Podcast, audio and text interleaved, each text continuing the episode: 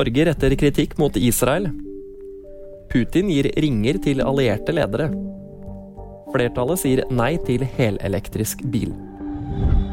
Utenriksminister Anniken Huitfeldt retter kritikk mot Israels nye regjering. Hun mener at Benjamin Netanyahus plan om å utvide okkupasjonen av palestinske områder undergraver muligheten for en tostatsløsning og er et hinder for fred. Huitfeldt fastslår samtidig at Norge ikke aksepterer de ulovlige bosetningene og kritiserer ham for å ta enda et skritt mot å undergrave en palestinsk stat.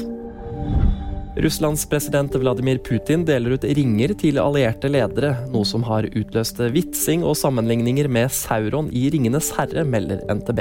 Ringene er utstyrt med symbolet til samveldet av uavhengige stater og inngraveringen Russland og Godt nyttår 2023. Putin beholdt den niende ringen selv. Mer enn fire av ti tror deres neste bil vil gå på bensin eller diesel. Det viser en undersøkelse Infact har utført for Nasjonen. Nesten like mange sier de vil ha elbil som sin neste bil, 10% vet ikke, og en like stor andel oppgir at de aldri skal kjøpe bil. VG-nyheter fikk du av meg, Benjamin Brekken.